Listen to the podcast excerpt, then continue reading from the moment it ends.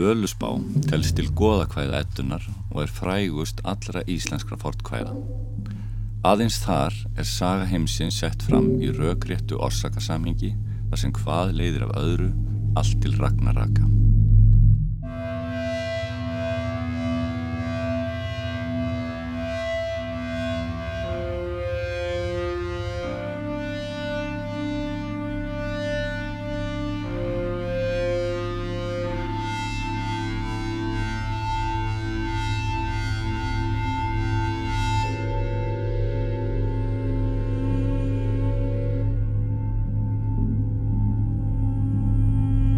Kvæði er varðveitt í tveimur gerðum í konungsbók ettu kvæða frá setni hluta 13. aldar og í þeim hluta högsbókar sem er frá miðbyggi 14. aldar. Aug þess sem nokkur erindi er í gilvæginningu ettunar sem talið er að Snorri Sturluson hafi sett saman á þriðja áratug 13. aldar. Völusbá er mælt fram af völvu sem segir frá sköpun heimsins og friði allsnekta hjá góðum Uns þrjár þursamæjar komu og þau sköpuðu dverga og síðan menn. Gullveig kemur bæði til goða á manna, íllindi hefjast og leiða til víga sem magnast uns öll lögmál er brotin.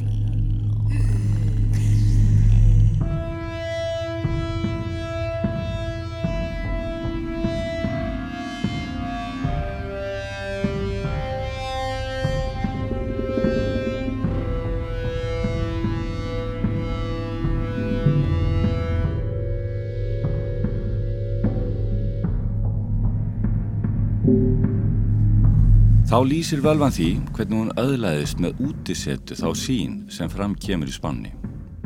Baldur, hinn góði ás, verður drepin, óvinir, ráðlausra goða eblast og gala verður til ragnarraka þar sem allt ferst í eldi, bæði heimur goða og manna. En jörðin rýs upp í annað sinn og þar mun hinn flekklausu búa og indi snjóta.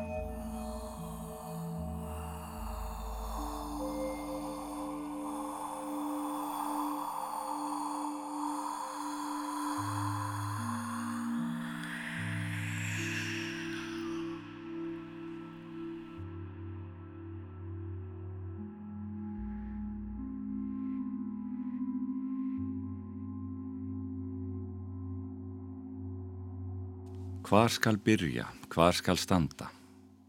Velti Mattias Jokkumsson fyrir sér á dimmu vetrarkvöldi þegar hann var nýlega fluttur til Akureyrar árið 1887 og satt við að yrkja skín við sólu Skagafjörður sem að flutti heimilisfólkinu með kvöldverðinum sama kvöld eins og Gunnar, sonur Mattiasar, saði Hriblu Jónasi frá vestur í Ameríku mörgum áratugum síðar eftir því sem fram kemur í útgáfu Ólafs Brím á ljóðu Mattíasar frá árinu 1980. Þrátt fyrir vetrarmyrkrið á Akureyri átti Mattías ekki í vandræðu með að lifa sig inn í sólríkan sumardag í Skagafyrði og hjælt áfram hvæðinu Bræi leysir brátt úr vanda, bendir mér á tindastól. Þegar ég settist í fyrsta fyrirlestra tíman í Íslenskum fortbókmentum við Háskólu Íslands hjá Óskari heitnum Haldórsinni, hófan mál sitt með tilvittnun í þetta ljóð Mattíasar. Hvað skal byrja, hvað skal standa? Og glotti svo. Enda um það bila hefja langa vekkferð um einstakann bókmenta heim sem lýsir hugmyndum manna um umhverfi sitt, svo jörðu sem á himni, frá upphafi til ragnaraka, nær og fjær, með sögum og ljóðum af personum og atbyrðum sem tengjast landinu og himninum af fólki þessa heims og annars sem er innbyrði skilt og á sér afkomendur og meðal þeirra sem rítuðu allar þessar bókmyndir og þar með á meðal okkar sem eigum hér heima.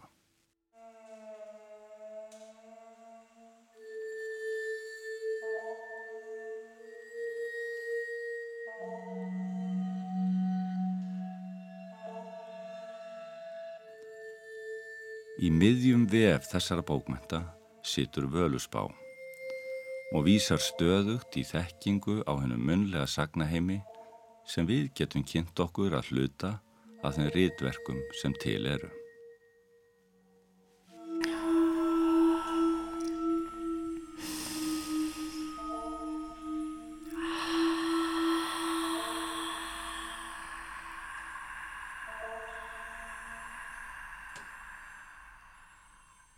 Hljóðs býð eg, allar kindir, meiri og minni mögu heimdallar.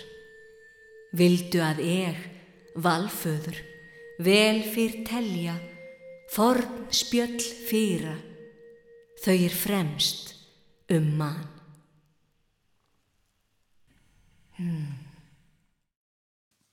Við erum svo heppin að um líkt leiti og völusbá ratað á bókfell á 13. öld skrifaði Snorri Sturluson kjensluritt handa ungum skáldum, ettu, þar sem hann gerði grein fyrir hluta af þeim bakgrunni sem upplýstir áherendur völusbár á hans dögum hafa þekkt vel til.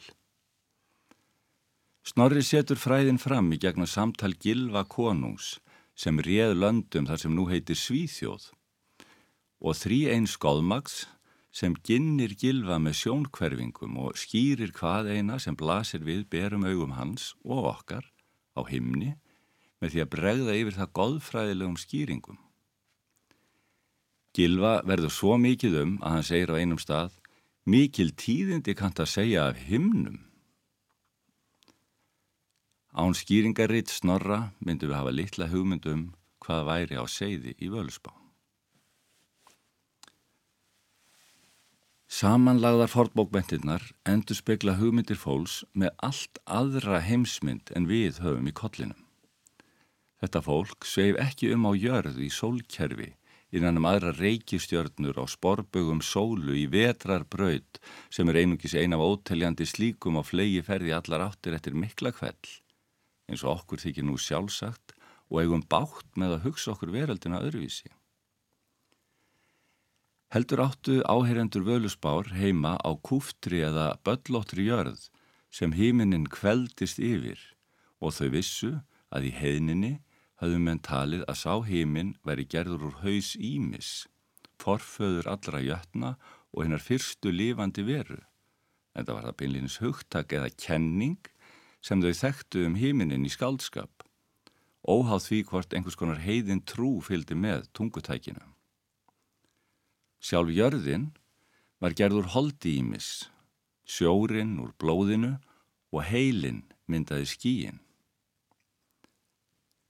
Við endimörk jarðarinnar tók úthafið við og rann saman við jötun heima langt handan við istu sjónarrand.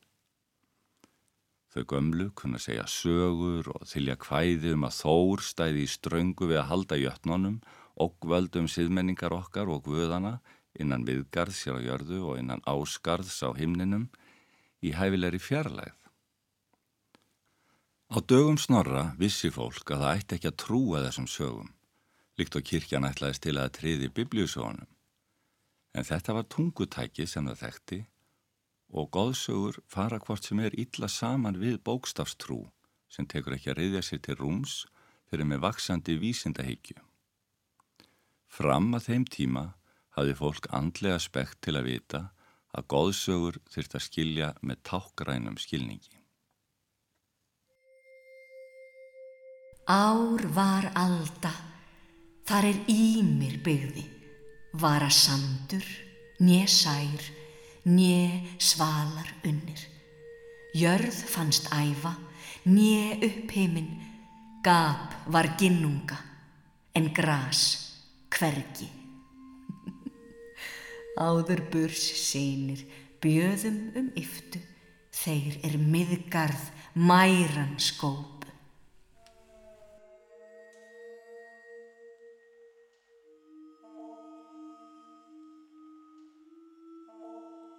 Snorri segir til að fyrra sig allri ábyrð á trúarþætti goðafræðinar.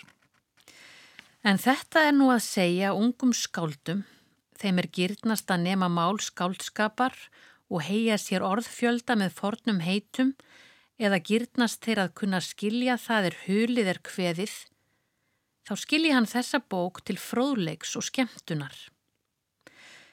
En ekki er að gleima eða ósanna svo þessar sögur að taka úr skálskapinum fornar kenningar þær er höfuðskáld hafa sér líka látið.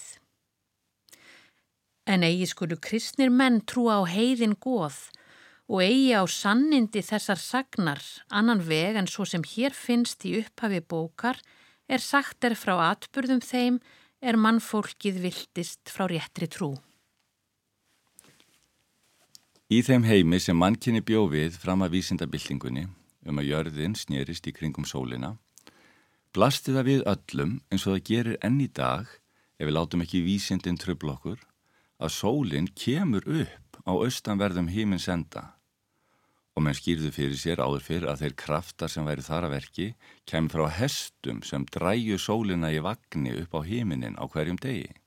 Alltaf á nýjum stað, frá sólstöðum á sömri í norð-austri til sólkvarfa á vetri í suð-austri að sólinn snýri við. Svona fór hún eina ferð fram og tilbaka á ári. Tunglið fórum sömu hímin slóð, kom þó upp í ólíkum áttum en í reglulegum takti sem var ekki komin í sama far aftur fyrir en einni tunglöld síðar eða eftir 19 ár. Sólkvítt tunglið var ímist ný kviknað og vaksandi uns það var fullt og mingaði svo aftur þar til kvartila skiptin höfðu farið heilan ring 28 dögum síðar. Tunglið var persónigjert sem máni bróði sólarinnar og hann komst um híminin með því að sískinin Bil og Hjúki báru hann í sánum sæg sem þau heldu á milli sín á stönginni símul, svo sem sjá má af jörðu eins og Snorri segir í gelvakinningu og vísar til þess að við sjáum hjá sólir og tungl þegar rosabaugar myndast um sólina og tunglið. Þessi góðfræðilegi skilningur á fyrirbærum á himni var ennþá lifandi meðal almennings á 19. öld þegar Jón Árnason skrifaði í þjóðsjónum. Hjásólir eða aukasólir, það eru ljóstílar í kringum sólina, eru ekki sjálfsjenar á Suðurlandi. Ef tvær hjásólir sjást í einu, sín hvorum megin sólarinnar, önnur á undan sól en hinn á eftir, er það kallað að sólinn sé í úlvakreppu eða að það fari bæði á undan og eftir sól og er hvortveggja orðatiltækið dreyið af úlfunum sköll sem átt að gleipa sólina og hata sem átt að taka tunglið. Stundum er þetta kallað gílaferð og hjásólinn sem fer á undan sól gíl. Hann þykir ílsviti með veður ef ekki fer einnig á eftir sólu en svo hjásól er ennkölluð úlfur og er þaðan dreygin talsátturinn sjaldan er gíl fyrir góðu nema úlfur á eftir renni. Sitt hverju megin sólarinnar má þannig enn sjá úlfana sem hlaupa á undan og eftir henni þegar rosabaugur er um sólu. En henn friðsömu sískin er í kringum mánan með ljós línu á milli sín sem henn gömlu sáu fyrir sér að væri stöngin símul. Eins og Björn Jónsson, læknir í Kanada, skrifaði um í bóksinni Stjartvísi í ettum.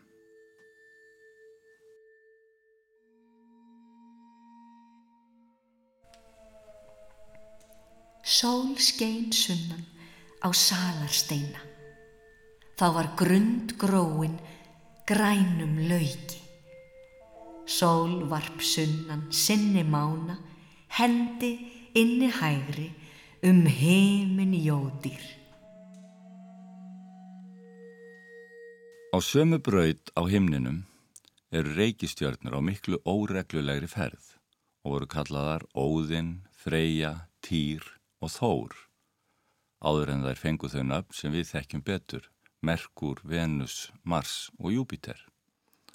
Og einn til viðbótar sem við vitum ekki hvað norrænir menn nefndu af hornu en við þekkjum sem Saturnus frá því að bækur um klassiska stjörnufræði bárus norðurhingað og voru þýttar á íslensku um líktleiti og Snorri Sturluson skrifaði ettu sína um þau miklu tíðindi sem henn sögðu af himnum í heininni.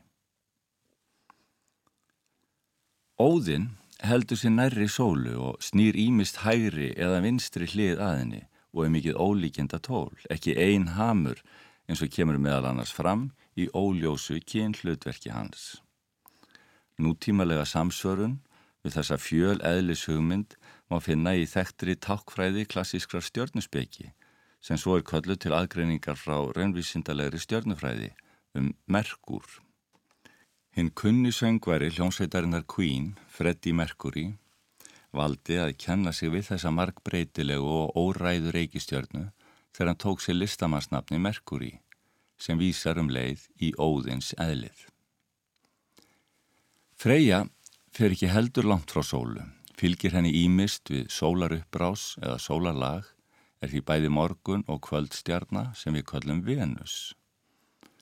En blóðrauður týr fer víðar um híminin undir nútíma nafninu Mars og bjartur þór eða Júpiter gengur lang lengst, jafnvel lengra niður en aðrir guðir þegar hann fer í ferðir sínar í Jötunheima í Östurvegi. Í nágrannamálum okkar eru vikudagarnir enþá nefndir eftir þessum sjö höfuð personum híminkválsins. En íslenskan náða slíta þann eldforna þráð að tengja nöfn dagana við góðumögn reykistjarnana, auk mána og sólar eða sunnu. Í stað tís, óðins og freyju eða frjástags tölum við um þriðja dag, miðvíkudag, fymtadag og kristilegan förstudag. Það reykistjörnur í sólkerfinu sem við lærum um að auki í skólakerfin útímans, Úranus, Neptunus og Plútó teljast ekki með. Þær eru ekki sínilegar með berum augum og voru því ekki hluti af henni fornu heimsmynd.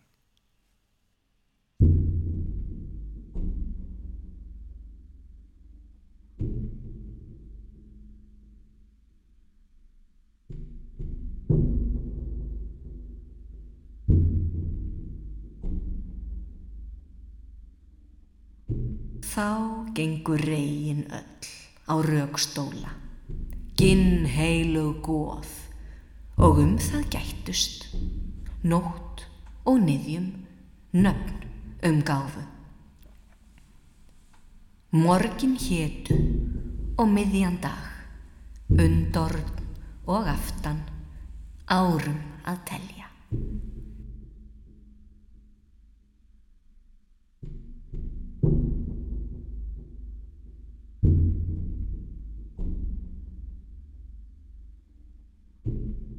Höfuð góðmögg vikudagana sjö eru hvert á sínu heiminn kveli, hérna megin við kvítleitt og hálf gegnsætt heimstreð á himni, Ask Yggdrasils og heiminnfestinguna sem snýst eitt ring um leiðarstjörnuna í há norðri á hverjum sólarring en haggast ekki frá okkur séð miða við reyfinguna á öllum reykistjörnunum. Allar þessar reyfingar á nýju heiminn kvelum þekkti og skildi hvert upplýst mannsbarn um það leiti sem völusbá var færið í letur á 13. öld. Þótt nú sé leitun að fólki sem þekkir heiminin með þessum hætti eða hefur séð sjálfa vetrarbrautina með eigin augum, gnæfa yfir okkur eins og trjástopp eða gagsætt kvítt band, líkast herri himnu er skjall heitir og liggur innan við eggjaskurð eins og snorri lýsir hennu kvíta lit allra hluta er örlaða nornirnar, urður, verðandi og skuld, auðsa kvíta örnum úr urðarbrunni á himni yfir. Hmm. Egum mann jötna, ár um borna, þá er forðum mig fætta höfðu. Nýju mann ég heima, nýju íviðjur, mjöt við mæran, fyrr mold neðan. Ef við ættum þess kost að sitja í heitapottinum með snorra í reykkolti, án allra ljósmengunar frá gróðurhúsum og annari raflýsingu og heyra hann skýra hvernig hann lagði göngin úr kjallaranum á húsi sínu að brún pottsins til að fyrstu geyslatnir við sólar uppkomu um veturnætur skinu bent inn í göngin svo hann gæti alltaf stilt misseratali sitt af við upphaf vetrar eins og sjá má enn í dag og hlusta á hann segja frá hennu mesta og besta tré allra trjáa sem dreifðist yfir heim allan og stæði yfir himni með rætur við urðarbrunn hjá ásum á himni og að niðri hjá hrímþursum við mímisbrunn og í nipplheimi þar sem nýðhöggur nagar rótina er líklegt að okkur er því fljótlega starfsýnt á vetrarbrautina sem rýs eins og mæni ás hímins um þvert híminkvolvið, kemur upp um þið forna skip hímins argómerkið og heldur áfram í gegnum tvíburamerkið sem sést vel á dýrarhingnum frá Íslandi og hverfur svo niður hjá sportreganum sem vomir rétt neðan sjóndeldarhingsins hér á landi þannig ekki glittir í hann nema snemma á vorin eins og fólk getur lesið sér tilum á stjörnufræðivefnum stjörnufræði.is Björn Jónsson, læknir í Swan River í Kanada, var fyrstur nútíma manna til að benda á þessa skýringu í fyrirlestur sem hann hjælt á fyrstu alþjóðar ástefnunni um hefðbundna stjörnufræði sem Smithsonian stopnunin í Bandaríkjónum bóðaði til í upphæfi nýjunda áratuga síðustu aldar. Þar varð ljóst að allar þjóðir heims hafa fylst með reyfingum híminn natta og komið sér upp goðfræðilegu hugtakakerfi um það sem fyrir augu ber á himni. Engin ástæða er til að ætla að Íslandingar af hortnu hafi skorið sig úr að þessu leiti.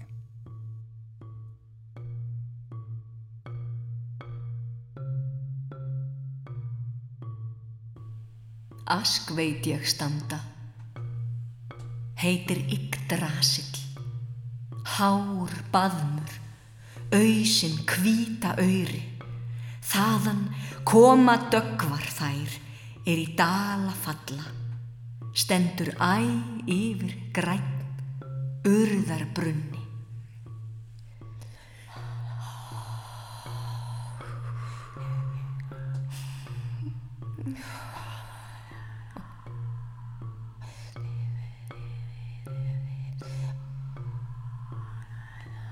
Til að byrja að reyna að skilja hinnar fornu bókmæntir er gott að láta Braga benda sér á þann tindastól þar sem hægt er að gera sitt besta til að sjá heiminn frá hennu mannlega sjónarhorni okkar sem stöndum hér á jörðu án þeirrar þekkingar sem vísindin hafa fært okkur á skipan heimsins og horfa hugfangin til hímins í leitað svörum við ráðgátum tilverunar í uppáttækjum þeirra goðmagna sem þar er að bjástra. Og þá er gott að muna að heilin í mönnum hefur ekki tekin einum þróunalegum framförum frá því á steinöld, eins og Valgarður heitin Eilsson, læknir og frumu lífræðingur skrifaði svo vel um í bóksinni Steinaldar Vislunni. Formæður okkar og feður hafðu því alveg sömu hæfileika til rökréttrar hugsunar og álíktana á við. Þau stunduðu líka sína nákvæmu mælingar á veröldinni Þóttar hafi ekki allar verið færðar í letur, heldur ofta settar í steinhleðslur, byggingarstaði, örnefni við sjóndeldarring og sögur sem bárust á milli kynsluðana. Þau tólkuðu niðurstöður mælingar sinna og aðtugana líka inn í heimsmynd sem er að veruleguleiti frábröðin okkar. Það sem var sjálfsagt að gera ráð fyrir góðmögnuðum kröftum að baki þess sem fyrir augu og eiru bar í umhverfinu. Heimsmynd völusbár er því ekki hluti af nefni ævintýra veröld, handan okkar heims, heldur niðurstaða af rökréttri tólkun þess heims sem við getum enþá séð umhverfis okkur. Ef við látum sjónkverfingu vísindana um sólkerfið ekki ruggla okkur sín. Og þessi heimsmynd er tjáð með tungutæki goðafræðinar, elsta hugtaka kerfismannsins um niðurstöður mælinga sinna og skipularar hugsunar um heiminn hittust æsir á yðavelli. Þeir er hörg og hof hátimbruðu, abla lögðu, auð smíðuðu, tangir skópu og tól görðu.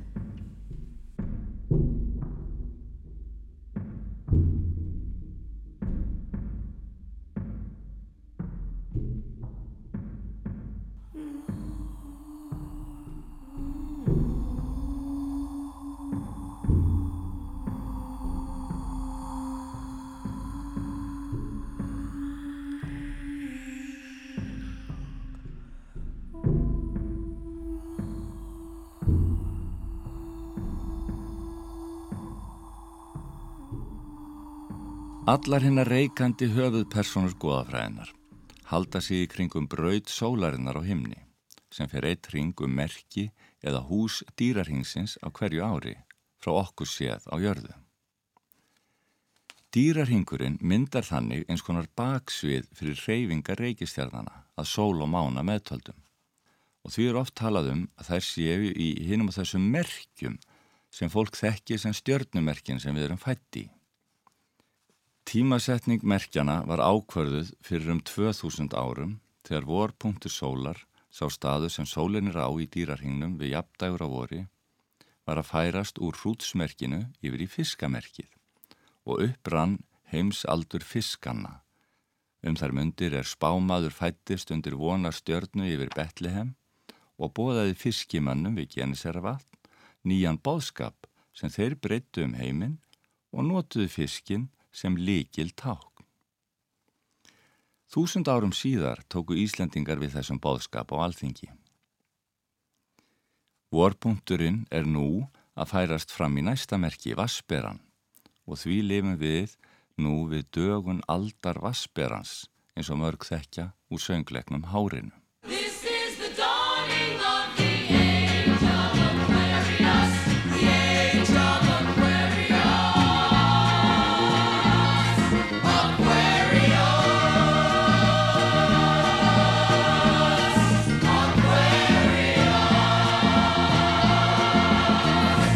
Þannig hefur raun staða sólarinnar á himni færst um nær eitt stjörnumerki frá þeim tíma að dagsetningar merkjana voru ákvarðaðar. Við erum öll fætt einu merki fyrr en við höldum.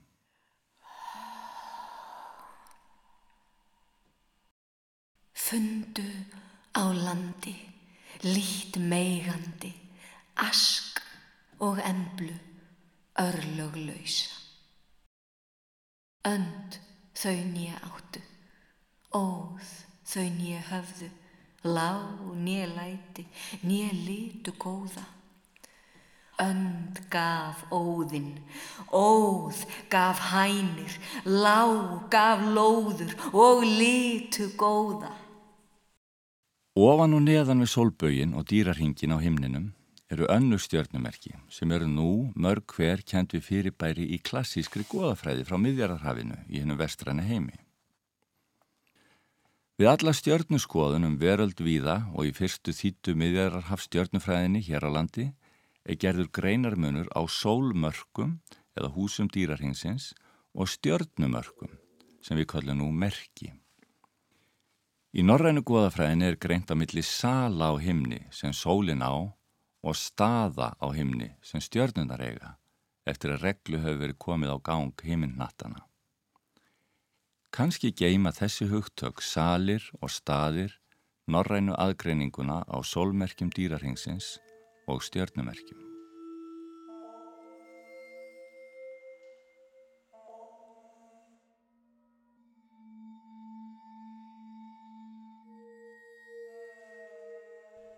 Sól það nýja vissi hvar hún sali átti, stjörnur það nýja vissu hvar þær staði áttu.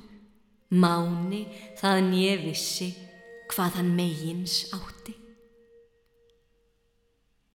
Í gilvaginningu snorraðetu er við að talað um sali og staði sem eru bókstaflega sagðir vera á himni, auk höfuðstadarins eða helgi staðar goðana að aski Yggdrasils með öllu sem honum fylgir á himni, erðni, fálkanum veðurfölni, svönum, íkornanum ratatorski, fjórum hjörtum og fleiri fyrirbærum.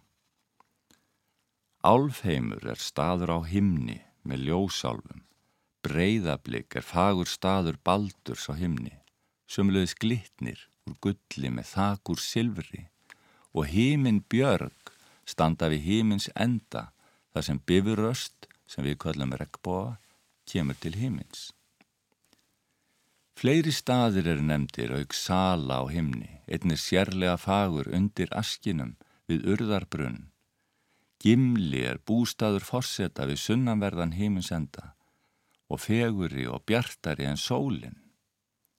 Sessrúmnir er salur freyju en bær hennar fólkvangur er líka saður vera á himni en ekki tekið fram hvort fenn salir friggjar séu það líka eins og sagt er um salin brími. Fleiri fyrirbæri er á himni og ymsir salir og staðir eru nefndir án þess að staðsetning þeirra á himni sé tekinn fram í hvert sinn. Ljóst er þó að augum gilfa er stöðugt beint í þá átt þegar verður að nefna fyrir honum allt sem blasir við sjónum hans. Því miður er ekki auðvelt að vita hvert verður að benda gilfa á himninum. Og því getum við ekki staðsett staði og sali goðana í okkar hugtakakerfi um himinin nema hvað við getum reynda að feta okkur út frá líkindum vetrabrautarinnar við askin og láti reyna á hvað við komumst langt. Á mest ábyrrandi stað vetrabrautarinnar frá okkur séð eru til dæmis einn klassísku stjörnumerki Örnin og Svanurinn Kanski erum við þar að horfa á sameinlegar og eldfornar indo-evróskar hugmyndir um heiminkvolvið, um örnin í limum asksins og svanina á urðarbrunni. Slíkar hugmyndir geta geimst mjög lengi í minni þjóða, eins og bent hefur verið á um Karlsvagnin. Hann er eitt mest ábyrrandi stjórnumerkið á norður kveli og hugmyndir og sögur um hann eru svo líkar frá Lapplandi til Indiána í Norður Amríku að menn hafi getið sér til að þær hafi þegar verið orðið nokkuð mótaðar áður en mannkinni lagða stað frá Asíu yfir Beringsundi til Amríku og kunni alltaf sömu sögurnar um sama fyrirbærið sem fylgdi þeim á himni eins og myndskreiting í bók, hvert á land sem þau fóru. Hugmyndirnar voru skrifaðar í stjörnurnar og þar mátti lesa þær aftur og aftur kynnslóð fram að kynnslóð.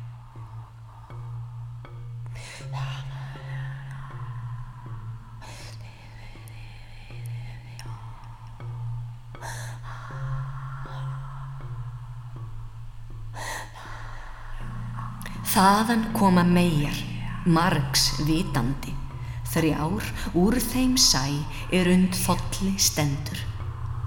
Urð héttu eina, aðra verðandi, skárum á skýði, skuld að þriðja. Það er lög lögðu, það er líf kuru, alda börnum, örlög segja.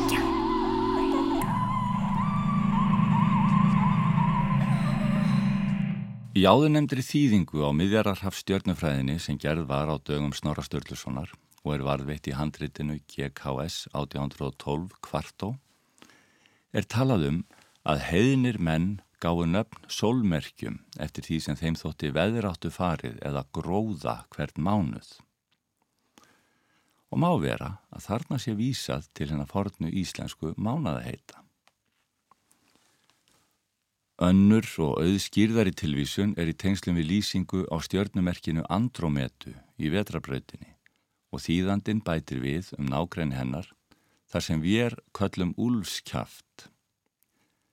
Til frekari skýringar er bent á að þetta sé regnstyrnið í nautsmerkinu, ábyrrandi vafflaga merki sem brautsólarinnar liggur um, þannig að þau sem hafa séð þetta vaff í nautsmerkinu fyrir sér sem úlfskjaft hafa væntanlega verið spennt á hverju ári að fylgjast með hvort sólinn slippi út um gynið þegar hún gekk í gegnum nautsmerkið og út um úlskjaftin í júni byrjun og var því alltaf vel sloppin áður en sólmánuður gekk í gard á mánudegi í nýjöndu viku sumars.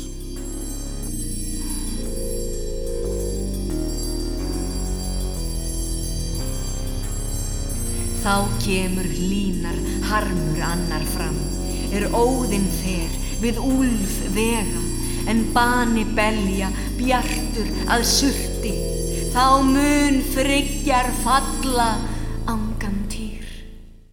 Völusbá er ekki þess konar kvæði sem var orrt af einu skaldi á myrkum vetrardegi eins og því sólríka kvæði Mattíasar Jokkumssonar um Skagafjörð. Völusbá segir sögu og geymir hugmyndir með skaldlegu tungutæki sem á sér djúpar rætur meðal þeirra sem töluðu og kváðu á norrænu máli og er margt líkt að brag og orðfæri með fornum þýskum og ennskum kvæðum. Við getum því ekki talað um neina tímasetningu fyrir tilurð völusbár eða notað hugtök sem gefa til kynna að tiltekki skáld hafi orrt völusbá á ákveðnum tímapunkti. Hugsun okkar nær ekki aftur í þá árdaga þegar fólk hvað ekki hvæði að þessu tægi um hugmyndir sínar um upphaf og endalók heimsins.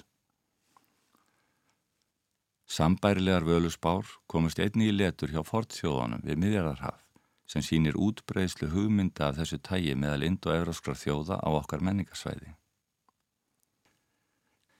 Það likur í eðli munlerar gemdar hvæða að tægi völusbár og þess þekkingarkerfis sem þau eru hluti af og sem er tjáð með sögum og ljóðum, síðum og venjum, örnefnum og mannvirkjum, að þau taka sífældum breytingum, fanga nýjar hugmyndir á leiðsynni manna á milli um rúm og tíma og skilja aðrar eftir í vegarins ríki eins og Guðmundur Böðvarsson orti um í kvæðinu um rauða steinin. Og í munleiri menningu mun ekkert það sem þar er geimt, þaðan fástum eilíð heimt frekar en stúdentsárin æsku glöðu.